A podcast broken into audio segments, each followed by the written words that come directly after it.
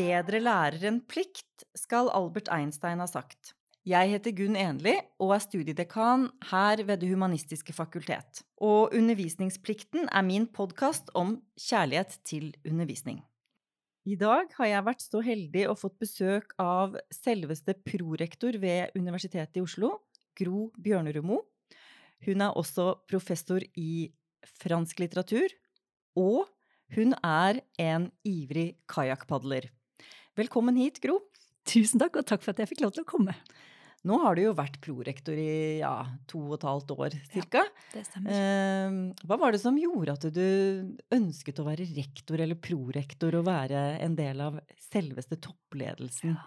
ja, si det. Hva er det som driver et menneske? Ja. Um, jeg tror at det var litt det samme prinsippet som har styrt mange av mine valg, både personlige og profesjonelle, og det var ren arbeidsglede. Da Svein Stulen spurte meg om jeg hadde lyst til å være med i hans team, så fikk jeg et uh, akutt uh, anfall av arbeidslyst og kjente et stort engasjement. Og, og, når jeg får den følelsen, så har jeg en tendens til å si ja, ja, det vil jeg gjøre, og det har jeg egentlig vært veldig glad for at jeg våget meg utpå. Selv om det jo noen ganger kan være ganske tunge valg å ha tatt, så er jeg veldig glad for å få lov til å være med på dette arbeidet sammen med ham. Ja, for det var jo et stort eh, valg for deg, men som du sier, så kjente du etter at dette var rett å gjøre. Og hva er dine viktigste arbeidsoppgaver som prorektor? Eh, jeg har eh, helt klare arbeidsoppgaver. Altså jeg er jo da rektors stedfortreder, sånn at jeg er rektor hvis han ikke er der. Men til vanlig så, så, har jeg ansvaret for det øverste ansvaret for alt som har med utdanning og læringsmiljø å gjøre på Universitetet i Oslo. Da passer det jo kjempefint å ha deg som gjest i podkasten Undervisningsplikten, hvor vi er opptatt av undervisning på eh, Universitetet i Oslo. Så hva er dine motivasjoner, eller hva er, hva er, det du ønsket å gjøre som prorektor med hovedansvar for undervisning? Ja. Grunnen til at jeg begynte å engasjere meg i dette arbeidet, er at, uh, at jeg rett og slett er genuint interessert i, i undervisning, rett og slett. Uh, og alt som har med utdanning å gjøre. Uh, og så opplevde vi jo veldig sterkt gjennom valgkampen at Eh, vi var opptatt av utdanning, Svein og jeg, hadde alltid vært det gjennom hele karrieren. Og så oppdaget vi at det var en veldig bred eh, interesse for utdanning på hele UiO. Og så ga det en veldig kraft eh, til, til, den videre tenkningen og arbeidet på å sette utdanning rett og slett øverst på dagsordenen, sånn som vi har prøvd å gjøre i disse to og et halvt årene. Og det er liten tvil om at Universitetet i Oslo siste tiåret har flytta seg veldig på forskningssiden har blitt et veldig veldig sterkt forskningsintensivt universitet. Eh, og så har vi også um, fått fram mange gode utdanningsmiljøer, men det er en sånn veldig sterk følelse av at vi kan ta et løft til. Det er det egentlig jeg holder på med til vanlig. Aha, Så du føler at du kan gjøre en forskjell? At du kan flytte UiO på utdanningsfeltet? Jeg håper i hvert fall at jeg gjennom andre kan uh, starte en sånn bevegelse. Jeg tror ikke den er gjort over natten, men, men, jeg opplever at det er så mange ting som skjer nå, at å klare å samle det i en positiv bevegelse, det er på en måte hele motivet mitt for å engasjere meg for å stå opp og gjøre dette hver dag. Mm. Ja, og jeg kjenner meg jo igjen i det, fordi da jeg ble spurt om å være studiedekan her på HF, så var det akkurat studiefeltet jeg hadde lyst til å jobbe med. Uh, jeg tenkte det er her det skjer, det er det som er Eh, brennbart eh, politisk. Altså det er mye føringer, og det er veldig, veldig mye engasjement liksom både utenfra og innenfra, ovenfra og nedenfra. Og, og, jeg kjente jo også på det engasjementet som kom fra deg og Svein når det gjaldt utdanning, og at det var, var mye på en måte retning fra det, det dere signaliserte, da. Uh, og du har jo selv også hatt uh, min stilling før. Vært uh, prodekan her på HF i hele åtte år. Så hva slags eh, forskjeller og likheter er det mellom de to stillingene? For det første var det helt uh, fantastisk å komme inn i denne gangen hvor jeg jobba i åtte år som studiedekan. Eller store deler av den åtteårsperioden var her akkurat i denne gangen hvor vi sitter nå. Og jeg følte en veldig stor glede over å være tilbake. Uh, det var veldig lærerikt og inspirerende på veldig mange måter. Det var første gang jeg arbeidet med en organisasjon på den måten, og det var første gang jeg arbeidet i så til de grader i grenselandet mellom, mellom store administrative oppgaver og store ledelsesoppgaver, og eh, med en, en, stor og heterogen gruppe studenter, og du skulle bringe alt dette sammen. Så når jeg kommer tilbake hit, så kjenner jeg også den dype gleden over at dette er et veldig fint sted, vil jeg si, når jeg kommer tilbake hit. Ja, men så fantastisk. HF eh, er jo et eh, mangfoldig fakultet, og det er jo mange av de eh, utfordringene, men også mange av de kvalitetene vi har her på HF, er, er jo ja, noe som du tar med deg da videre i, i, rektoratet. Sånn er det. Jeg tenker at når jeg ser på HF nå, så tror jeg at det aller, aller viktigste med HF er at det er hele tiden et mye finere fakultet enn det det selv tror. Det, det, er liksom det er, det er, vanskelig å beskrive det på noen, mm. Eh, noen, annen måte. Og jo mer jeg reiser omkring, og jo mer jeg tenker over dette, jo uh, klarere står det for meg at det er noen virkelige utfordringer her også, fordi studentene jo ikke oppfører seg helt som planlagt, f.eks. Men det er en veldig kvalitet på hele virksomheten her som jeg tror at vi skal på en måte rette ryggen enda mer. Og der tenker jeg også at HF selv skal rette ryggen enda mer. Mm. Ja. Så det er en, eh, en beskjed til, ja. Eh, til, HF om å være mer selvsikre, da, eller eh, at vi ja.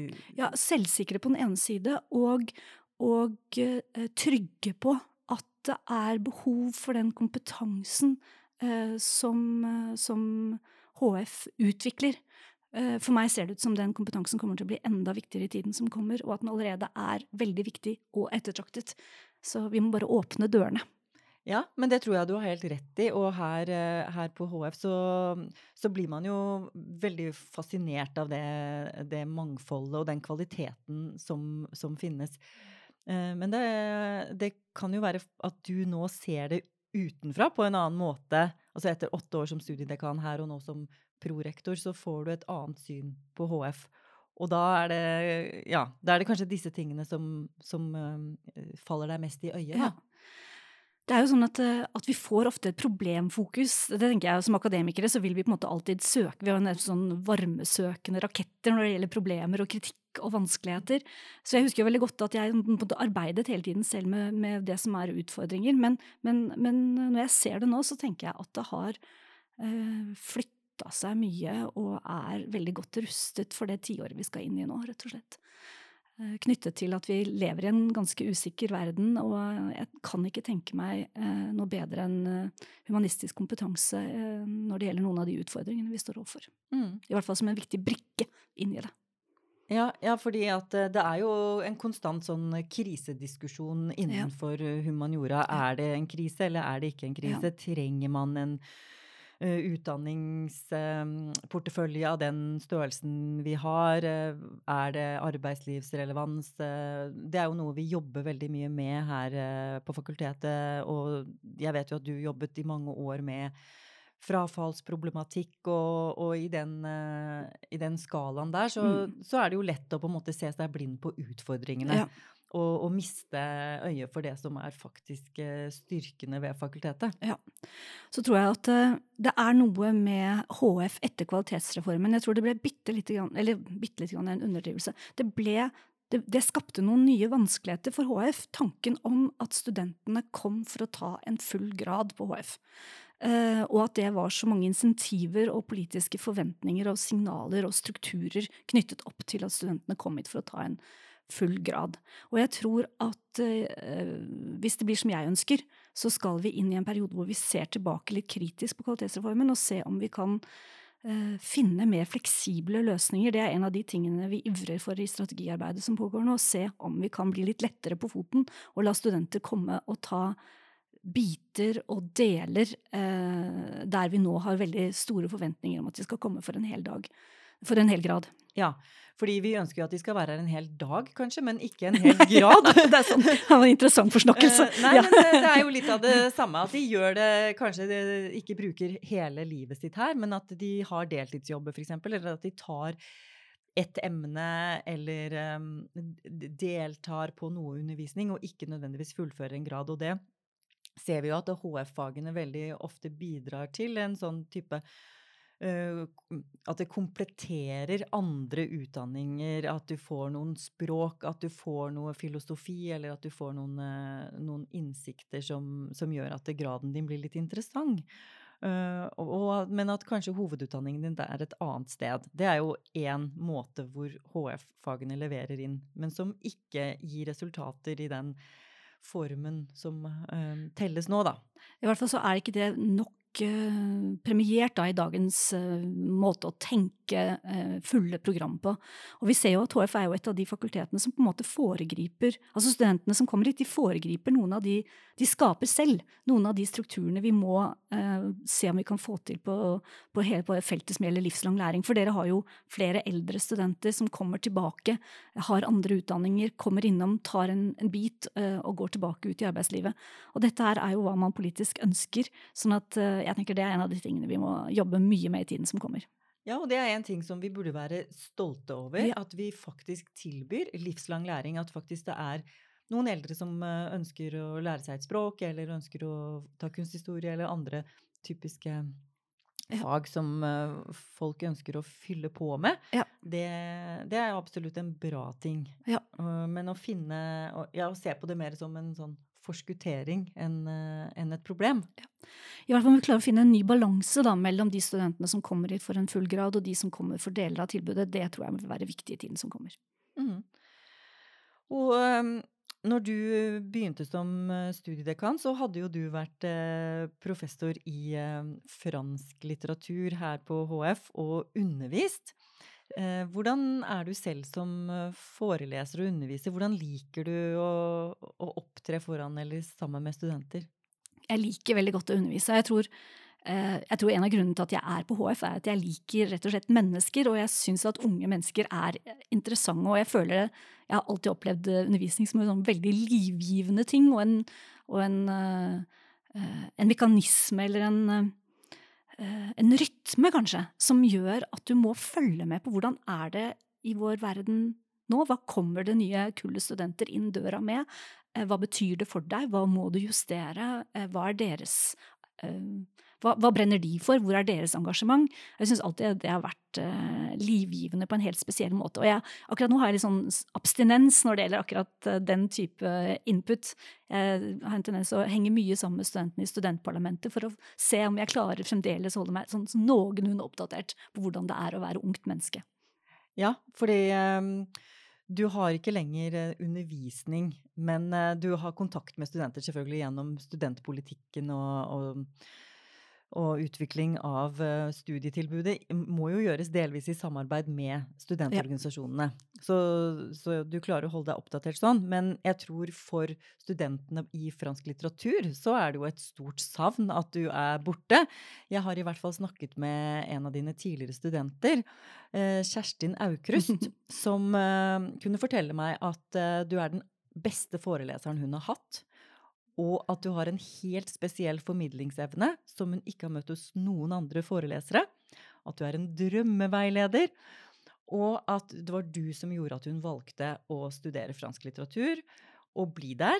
Og hun er jo nå en av våre dyktige førsteamanuenser i fransk litteratur. Så der har du gjort en god jobb. Det var veldig veldig hyggelig ord å høre. Og så er det jo sånn at, eh, at, det er klart at eh, når eh, Kjerstin gikk fra å være min student til å bli min kollega, så forteller jo det også veldig mye om Kjerstins eget engasjement og driv for faget. Sånn at du vet, noen ganger kan man være ekstra heldig, og med Kjerstin var jeg fantastisk heldig. Hun var en av de første jeg fikk veilede fra Hun var en av de første hovedfagstudentene jeg veiledet. Mm. Så jeg har fått følge henne lenge. Men hva tenker du når du hører sånne ord? Jeg tenker at jeg har veldig lyst til å undervise igjen, rett og slett. Eh, det er, eh, det, og det er klart at da jeg valgte å bli prorektor, så følte jeg veldig intenst at jeg valgte mellom to goder. Eh, fordi jeg hadde akkurat var tilbake og undervist igjen etter forskningsfri etter at jeg hadde vært prodekan og hatt det første semesteret med undervisning, og ble minnet om hvor knallhardt det er. Og hvor inspirerende det er, og at det er begge deler, at døgnet egentlig ikke strekker til når du skal gi eh, god undervisning. Men, men, først og fremst den store gleden over den faglige samtalen og kontakten eh, som man har med studenter. Jeg tenker at Det er, tror jeg, det, tror jeg faktisk er den viktigste drivkraften for, for vitenskapelig ansatte. Det er min erfaring. Selv om måte, forskning alltid sies å høyest status, så tror jeg rett og slett at, at det personlig investerte i undervisningen ofte oppleves som enda sterkere for mange, mange ansatte hos oss. Mange kommer og snakker til meg om det, i hvert fall. Og sånn er det for meg òg. Ja, og da blir man jo minnet om eh, hvor uh, betydningsfull også du har vært for å forme et menneskes liv. Så det er jo det som kanskje er uh, det som gjør at undervisning føles veldig, veldig verdifullt for oss som jobber på universitetet. Da. At vi både får kontakt med unge mennesker, men også at det, det er en sånn slags utveksling. Du sier det har noe å si hva slags innsats vedkommende gjør, og, og studentene må jo gjøre sitt til at de, de får læringsutbytte, og at eh, sant, samarbeidet funker ja. med, med, veileder og foreleser. Men, eh, men det at du, eh, du, brukte mye tid på å forberede deg til undervisning, og la mye i det, men også fikk mye tilbake. Ja, jeg tror rett og slett ikke kan oppsummeres bedre enn det. Men hvordan student var du selv? Hva slags student og, og elev da du, da du gikk på, på, skole og var liten jente? Og var det liksom gitt at du skulle bli professor og prorektor og, og få en sånn karriere som, som du har? Nei, jeg tror ikke det var gitt på noen som helst måte. Jeg var sammen med en uh, veldig veldig fantastisk gjeng med Vi har noen, uh, vi har noen arrangementer hvor vi tar imot uh, student, elever med minoritetsbakgrunn for å, for å rekruttere dem til, til UiO. og da pleier jeg å møte dem, og da fikk jeg det spørsmålet om jeg alltid hadde planlagt å bli prorektor. Og til det er jo svaret bare sånn nei, det var ingen plan i det hele tatt. Det var dette at det kom en mulighet, og at jeg grep den. Um, det var jo mange spørsmål på én gang. da, Nå må jeg tilbake og tenke hvordan var jeg Altså, jeg, um, eh, jeg har alt Som barn leste jeg mye. Og som ungt menneske leste jeg kanskje enda mer. Eh, og jeg leste så mye at jeg til dels vil si at jeg gjorde det i skjul. Eh, for jeg hadde jo forstått at det ikke var så kult å være en lesehest, så jeg prøvde hele tiden å holde det litt for meg selv hvor nerdete jeg egentlig var. Men jeg er egentlig en supernerd. Jeg tror ikke vi kan beskrive det som Jeg tror alle som gikk på ungdomsskolen med meg, vil på en måte huske at jeg at jeg, selv om jeg prøvde å skjule det, så, så var jeg bitte lite grann for interessert for i sånn konjunktiv i tyske bisetninger til at det var helt, helt normalt, og at, at jeg kunne bli litt mer inspirert i norsktimen over dikt enn en 15-åringer flest. Ja, Så da ble du kalt professoren, eller uh, du fikk på en måte nerdestempel og måtte gjemme deg bort for å lese og Ja, eller i hvert fall det var fort gjort å bli mm, satt på plass, da, selv om jeg ikke fikk noe professorstempel. Jeg tror ingen i det hele tatt Jeg tror ikke vi tenkte på professor i det hele tatt, faktisk. Men, men mer det der eh, at du ikke skulle stikke deg ut og vise at du jeg for eksempel hadde lest eh, videre for å sjekke hvordan ting hang sammen. Den type ting var ganske strengt Eh, hva skal jeg si, var det ganske strenge sosiale rammer for hvordan du kunne skeie ut der, vil jeg si. ja, For dette var på ungdomsskole, videregående? Ungdomsskole i Drammen. Ja. ja. Veldig bra skole, altså. Veldig fine skoler jeg gikk på i Drammen. og Fantastiske minner og veldig fine folk. Men de holdt meg litt i sjakk, da. Sånn at jeg ikke bare skulle lese, men også være sammen med folk. Og det vil jeg si de gjorde en god jobb med, faktisk.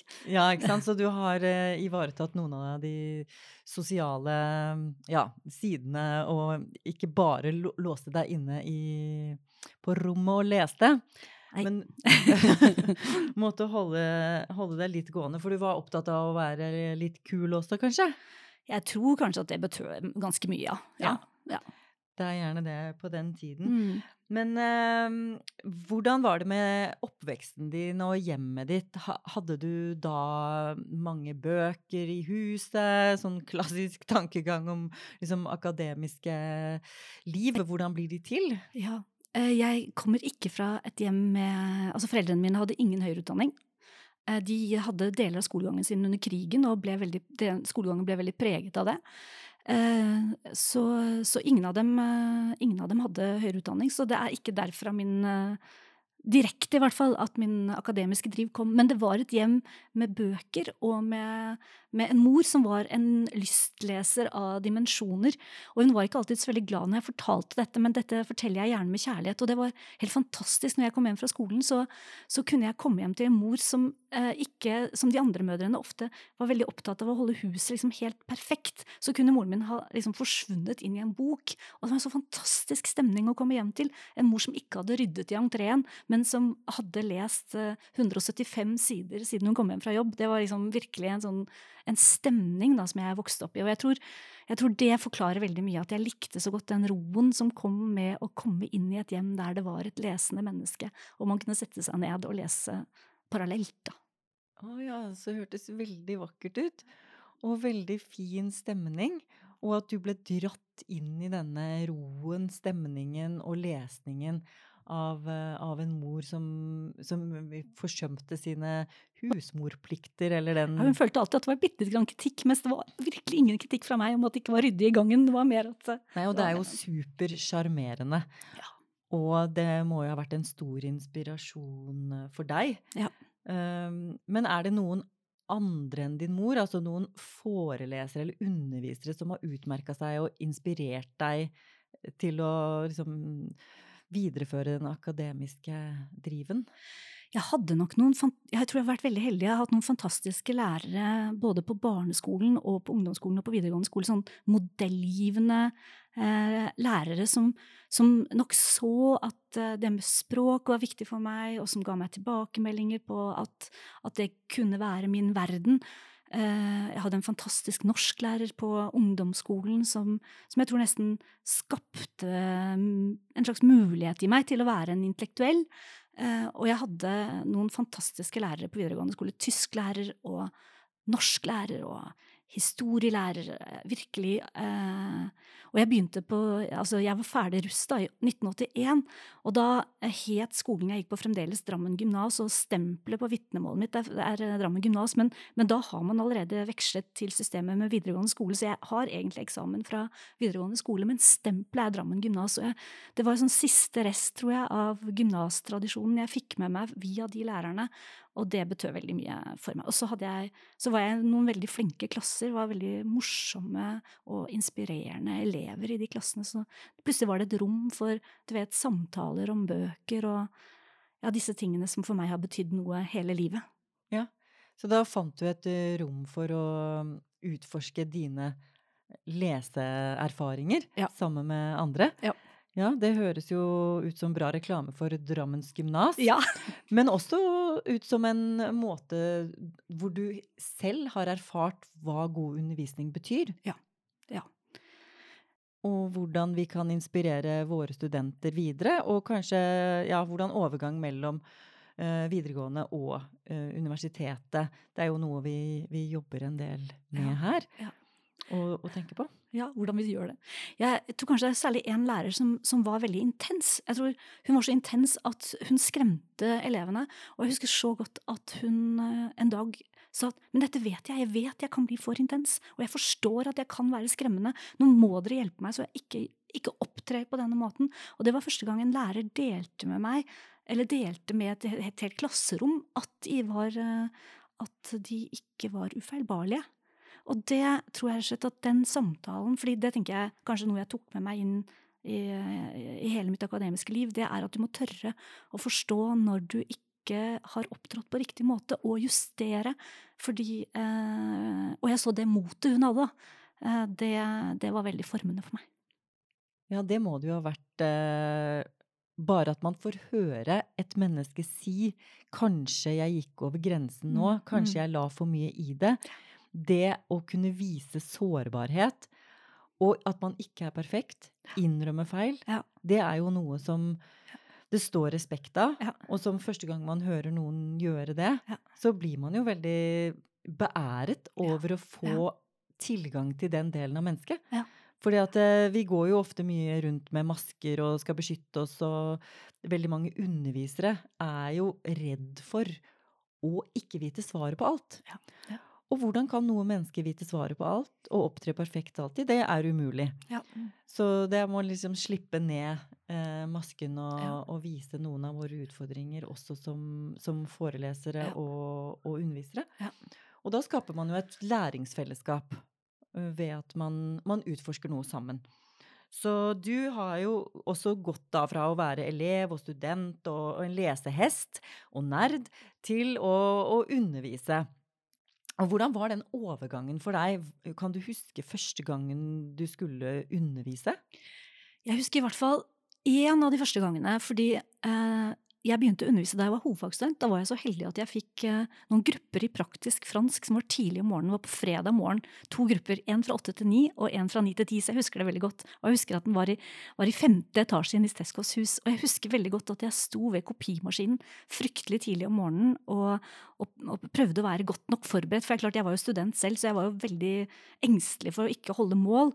Eh, og da kom en, eh, en, en eldre professor i gresk forbi meg på og så så han på han og sa han, ja ja, ja vi lærer tidlig å Uh, undervise i ting vi ikke kan, sa han til meg. Og det er klart man kunne jo miste motet av det, men jeg følte at det var jo faktisk ganske sant at jeg hele tiden måtte jobbe veldig for å holde et nivå som gjorde at jeg strakk til. Og det, det var nok også veldig formende for meg, at jeg fikk lov til å undervise så tidlig.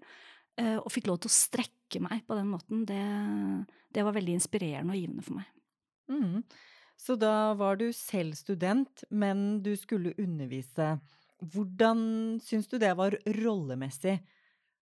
Måtte du bruke eh, liksom, høye hæler og dressjakke og kle deg om, eller var det uproblematisk å ta den rollen? Nå er jo jeg så kortvokst at jeg alltid egentlig har sverget til høye hæler, så jeg tror kanskje ikke det har med undervisningen å gjøre, men det var nok en uh, ny rolle, vil jeg tro. Jeg hadde, da, jeg hadde allerede tatt PEDSEM og hatt praksis ute i skogen, så jeg hadde hatt litt uh, Jeg hadde liksom vært, jeg hadde vært på besøk, i hvert fall i lærerrollen, før jeg, før jeg gjorde dette. Uh, men jeg følte nok at jeg ikke hadde så mye det var så liten avstand at jeg hadde ikke så mye av den autoriteten jeg trengte. Sånn at autoriteten måtte jeg skape gjennom den kunnskapen jeg delte. Jeg tror først og fremst Ja. der jeg satte inn støtet. Ja, nettopp. Det hørtes ut som en riktig prioritering. Eh, Men hva slags eh, undervisningsformer liker du best? Altså, er du en sånn eh, performer, entertainer? Liker du store forsamlinger og, og holde foredrag som liksom slår veldig an? Hvor folk klapper og ler, og, og hvor det er mye temperatur? Mm. Eller liker du den samtale-dialogbaserte lille seminarundervisningen? Jeg tror jeg kan sette pris på hele registeret så Ja. lenge Jeg tror det som er vanskelig for meg, hvis jeg føler at jeg mister en gruppe og ikke klarer å holde kommunikasjonen gående, og det er jo vanskeligst i de store gruppene, å holde kontakten, føler jeg. Eh, Men så lenge jeg klarer å holde kontakten, så kan jeg godt jobbe i alle de formatene, fra litt sånn, litt sånn orkester til kammer. eh. Ja, det var fint sagt. Til eh, at man nesten er i duett når du har veiledning på, på kontoret. Ikke sant? Da er man jo, jo ofte bare to, Ja. og så er det til den store forsamlingen. Ja. Så det er jo veldig stort spekter. Men gitt min gamle engelsklærer sånn erkjennelse av at nå var det noe som gikk galt her, så, så har jeg brukt det. Og når jeg ser for liksom, Jeg vet ikke hvordan du Men jeg opplever når jeg foreleser i et stort auditorium, når folk ikke forstår hva jeg sier, så ser jeg det, for jeg ser jeg mister dem. Ja. Uh, og da lærte jeg denne læreren, som jo var en modell for meg, så da pleier jeg å stoppe opp og si ei, hva gikk galt nå, hjelp meg.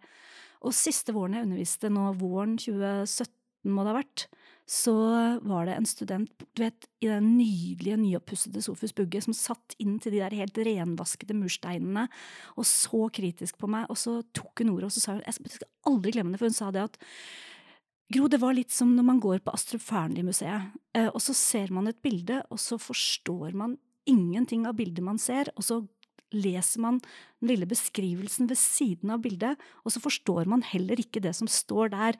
Sånn at, og da, det er klart, da må du, da må du bare restarte. Og, og det motet har jeg fått, at jeg kan gjøre det også i store grupper. Og det er deilig med erfaringen. Da, at du, det ville jeg først eh, gjort i mindre grupper da jeg var ung, mens nå tenker jeg eh, da har jeg mistet dem. Da er det noe grunnleggende jeg har glemt å formidle. fordi Samtidig som jeg har satt så pris på den tilliten at du har den studenten borte ved veggen som tar på seg den oppgaven det er å si til foreleser at nå, du, nå har du mistet oss helt. Eh, å kunne ha den muligheten til korreksjon, da, den setter jeg pris på. Mm, ja, det høres veldig fint ut, og det stemmer, eh, i hvert fall i forhold til de erfaringene jeg har, at eh, man merker når man mister dem, og man merker når man fanger de inn. Men også at det krever mye mot å stoppe opp og si hei. eh, er det noe som skjer her? eh, ja, er det noen problemer som gjør at dere faller fra? Men vi må jo alltid ta disse signalene og, og tørre å gå ut av rollen. eh, og spørre spørsmål om hva som gikk galt. Og nå er jo Universitetet i Oslo på et sånt punkt hvor eh, det er ikke nødvendigvis noe som har gått galt, men vi, vi skal liksom videre. Uh, og du sier at det er på undervisningsfeltet så kan vi komme videre. Og derfor så jobber jo UiO med en strategi mot eh, 2030. Og spørsmålet er eh, hva tenker du er det viktigste vi kan gjøre innenfor undervisningsfeltet nå? Å, det er et stort spørsmål, og helt enkelt å, å, å samle det i noen korte punkter har det vist seg å ikke være. Opplever, nå har vi hatt en høring, og vi har liksom endt ut Vi prøvde å se kan det liksom være et slags minimum vi kan være enige om, men da, da endte vi mer opp i det som universitetet jo også er, nemlig mer et uenighetsfellesskap. Så jeg føler at, eh, at nå har vi kommet ut i en sånn ganske fruktbar uenighet som vi skal prøve å lande. Eh, Men det er noen ting som er veldig veldig positive der eh, å jobbe videre med. Og en av dem er at, eh, at eh, en klar tilbakemelding er at eh, de som har gitt oss høringsinnspill, de ønsker at utdanning skal komme enda tydeligere på dagsordenen. Og det syns jeg er et, et fantastisk mandat å jobbe videre med. Så det håper jeg at vi skal klare å få formulert på en måte som vekker begeistring. Og vi håper også at vi skal treffe sånn at vi legger grunnlag for en felles og et sånn kollektivt løft for utdanning.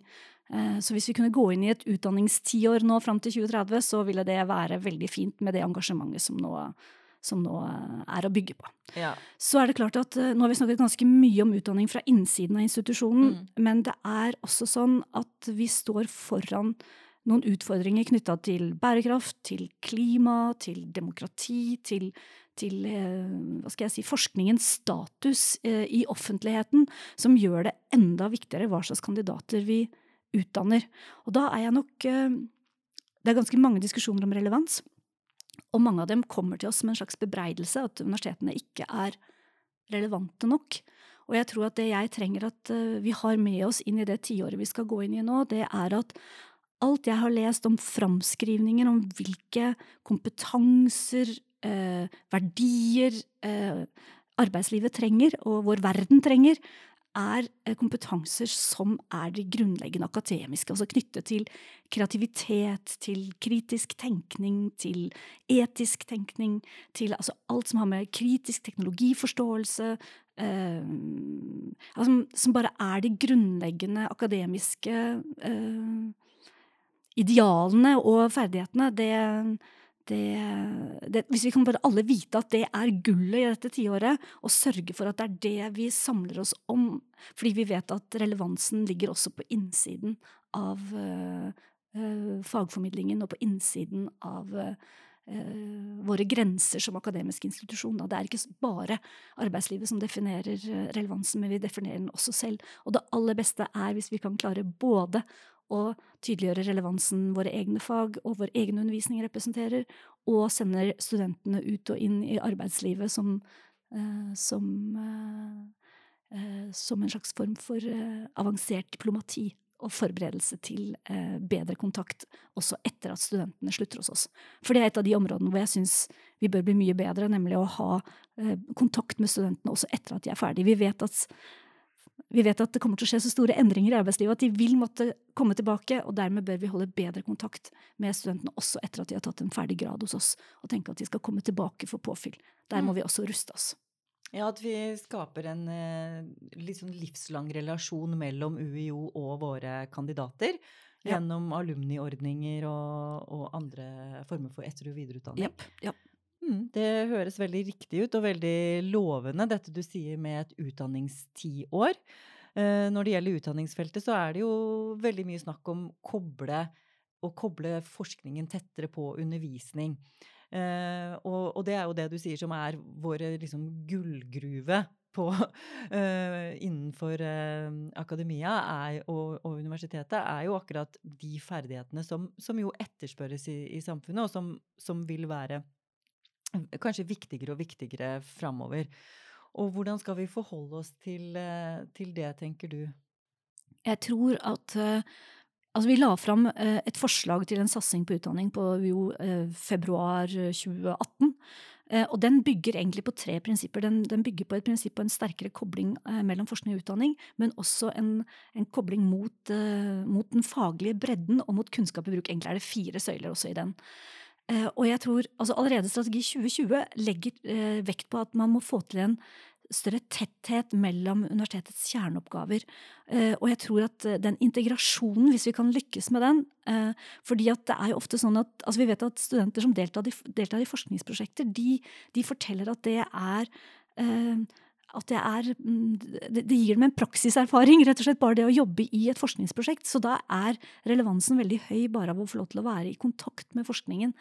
Eh, så det er noen sånne lavthengende frukter eh, som jeg tror vi skal være veldig mye mer Eller jeg ønsker meg da en, en større oppmerksomhet omkring som, hvilken stor verdi det har for studentene at de får lov til å delta i, eh, som aktive medspillere i forskningsprosjekter. Ja, du tenker at de skal være enda mer aktive, at ikke vi bare skal undervise forskningsbasert kunnskap eller eller være oppleste på feltet og komme rett fra, fra, forskningen, men at vi skal også ta med oss studentene inn i forskningen og la de se prosesser og altså, metoder. Hvis, ja, større, hvis, vi lykkes med å gjøre det i større grad, så tror jeg vi vil stå veldig mye sterkere som institusjon om ti år. Mm. Det var tydelige ord. Vi eh, snakker jo også mye om tverrfaglighet. Hva er det som gjør at tverrfaglighet er så høyt på agendaen nå? Det er jo mange grunner til det. Eh, jeg, tror, jeg, kan, jeg kan, fortelle en fortelling. Ja. og det er at i går samlet vi eh, alle de nominerte til Universitetet i Oslo sin bærekraftspris for 2018 og 2019 til en mottakelse. Og altså, Vi har utdelt denne prisen to år på rad. Og det som skjedde er at Vi har da bedt enheten å nominere de beste masteroppgavene innen bærekraft. Og så har vi utnevnt noen vinnere. Eh, og de har blitt feiret på årsfesten og det hele. Men enda viktigere enn bare vinnerne er at når vi samler også de nominerte, eh, så ser vi at eh, det blir en da får man synliggjort den faglige bredden. Vi har liksom alt fra lysforurensning til spekkhuggere til polsk politikk Eh, altså, det er et så fantastisk sånn spekter av forskjellige oppgaver knyttet til, eh, til, eh, til bærekraft. Til altså spørsmålet knyttet til, eh, til um, arbeidslivet i rustbeltet i USA. Altså det, til, til utenforskap i India. Hvis du, er, hvis du ikke har et fast sted å bo, så treffes du ikke av matvareprogrammene. Det er altså så mange forskjellige um, oppgaver. Og når vi bare bringer de menneskene inn i et rom For vi sier, hvis dere bare snakker sammen, så kan vi begynne å gjøre det som jo er så viktig i bærekraftsagendaen, nemlig å bringe målene sammen. Uh, og som forskningsintensivt breddeuniversitet så har vi et enormt potensial for å bringe den type perspektiver og mennesker sammen. Og vi må ikke bare gjøre det på den tunge måten at, at vi skal liksom kjøre alle gjennom ett løp, men vi må finne måter å sørge for at dyktige mennesker treffes på tvers av disipliner. Og det gjelder både utdanning og forskning. Eh, og det er jo bare ut fra tanken også selv utenfor bærekraftsagendaen så tenker man jo at, at mange av svarene på vår tids store spørsmål kan ligge i andre disipliner enn dem som har dem som sitt primære objekt, og at det ligger et uh, kunnskapspotensial der vi ikke som planet har råd til å gå glipp av. Mm, så det er en kompleksitet i, eh, i problematikker og i problemstillinger ja. som gjør at tverrfaglighet nærmest er påkrevet, ja. eller liksom ja. Nødvendig, da? Det er problematikk, og så er det jo, når det gjelder klima, så er det jo også en stor grad av at det haster å bringe kunnskapen eh, sammen og mm, på tvers, fordi vi i hvert fall jeg tilhører dem som tenker at vi har et tiår nå til å handle på. Og da er det sånn at vi vet at studentene er de som raskest bringer kunnskapen fra oss som institusjon og ut i samfunnet. Så hvis vi kan jobbe med studentene for å løse klimaproblemer, eller i hvert fall foreslå løsninger til det, så vil jo det være en, en veldig stor ressurs. Og da tenker vi nok også at svarene vil komme på tvers, uh, ikke bare fra én disiplin. Mm. For det er jo uh, tverrfaglige arenaer som du snakket om med det møtet. Det hørtes jo fantastisk ut. Å få så mange ulike perspektiver inn i samme rom. Å skape sånne arenaer må jo være en, en, en måte å, å, jobbe med dette litt uten at det blir så stort og tungt. Ja. Men at man starter i, i det små og gjør det, gjør det mulig. er det noen andre ting når det gjelder utdanning som du tenker er helt uh, brennaktuelt nå? Ja. Jeg tror at Jeg snakker jo jeg har, jeg har, akkurat integrert et nytt ord eh, i, i, min verden, og det er et ord som jeg først opplevde var, var, var fjernt for meg, og, men det er studentopplevelse. For jeg opplevde at det var litt sånn der opplevelsespark, fornøyelsespark i det opplevelsesordet, så jeg var litt sånn fremmed i forhold til det. Men, eh, men jeg tror også, Dette er en av grunnene til at jeg argumenterer for å involvere studentene tettere i forskning. Det er at vi trenger å ta imot studentene på en måte som gjør at de føler seg sett og verdsatt, og vi trenger å skape et læringsmiljø der de Eh, der de er til støtte for hverandre, og hvor de ser at de ikke bare skal kritisere hverandre, men at de skal hjelpe hverandre i læringsprosesser. Så jeg tror at hvis vi kan få til å skape trygge rammer rundt læringsprosessene her, så vil det være et stort, stort løft. Og mye godt er allerede igangsatt, så jeg tror liksom, der må vi bare jobbe på stein for stein, og så, så ser jeg jo at uh, at, uh, at studentene i hvert fall nå tas imot på en helt annen måte enn enn det foreldrene deres gjorde, for å si det sånn. Ja, absolutt. Og bare ordet studentopplevelsen gjør jo at man får en forestilling om at eh, det er noe å strekke seg etter, og at eh, vi som undervisere på universitetet også har et ansvar for mottak, og ikke bare fadderuken, men at det skal være en opplevelse som skal strekke seg over hele studieløpet. Ja. Og så er det klart at det, det, er et problem at Universitetet i Oslo Blindern blir jo tom for tidlig til at det egentlig blir noe ordentlig liv her. Eh, og nå jobber vi tett både med Samskipnaden og med Oslo by egentlig for å se om vi kan, eller gjøre alt vi kan egentlig for å skape et bedre altså gjøre Oslo til en mye mye bedre studentby. og Også der er mye på gang. og det tror jeg er utrolig viktig at vi vet at én av ti borgere i denne byen er studenter. Sånn at eh, de, de, spiller en veldig stor rolle i hele byen. og Hvis vi kan bruke det at dette også er en så stor studentby til studentenes fordel gjennom et tettere samarbeid mellom byen, borgerne og de akademiske institusjonene, så tror jeg også at der ligger det gull eh, og venter på oss. Ja, nå begynner jeg virkelig å glede meg til det neste tiåret. Vi har jo kalt denne podkasten for Undervisningsplikten. Og helt til slutt så vil jeg spørre deg om hva tenker du om begrepet undervisningsplikt? Jeg tenker jo at denne podkasten har, eh, har, fornyet ordet litt og gitt det litt mer smil.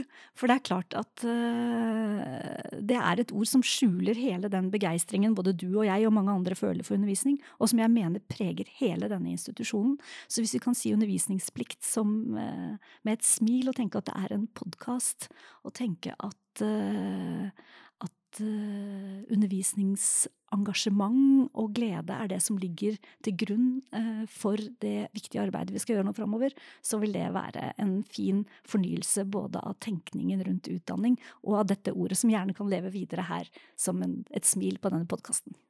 Takk for at du kom, og takk for at du delte så mange tanker og ideer. Eh, jeg ble i hvert fall veldig inspirert av denne samtalen. Takk for at du kom, Gro Bjørnerud Moe prorektor ved Universitetet i Oslo. Tusen takk for at jeg fikk lov å komme. Og til lytterne, hør på oss neste uke. Vi snakkes. Hei.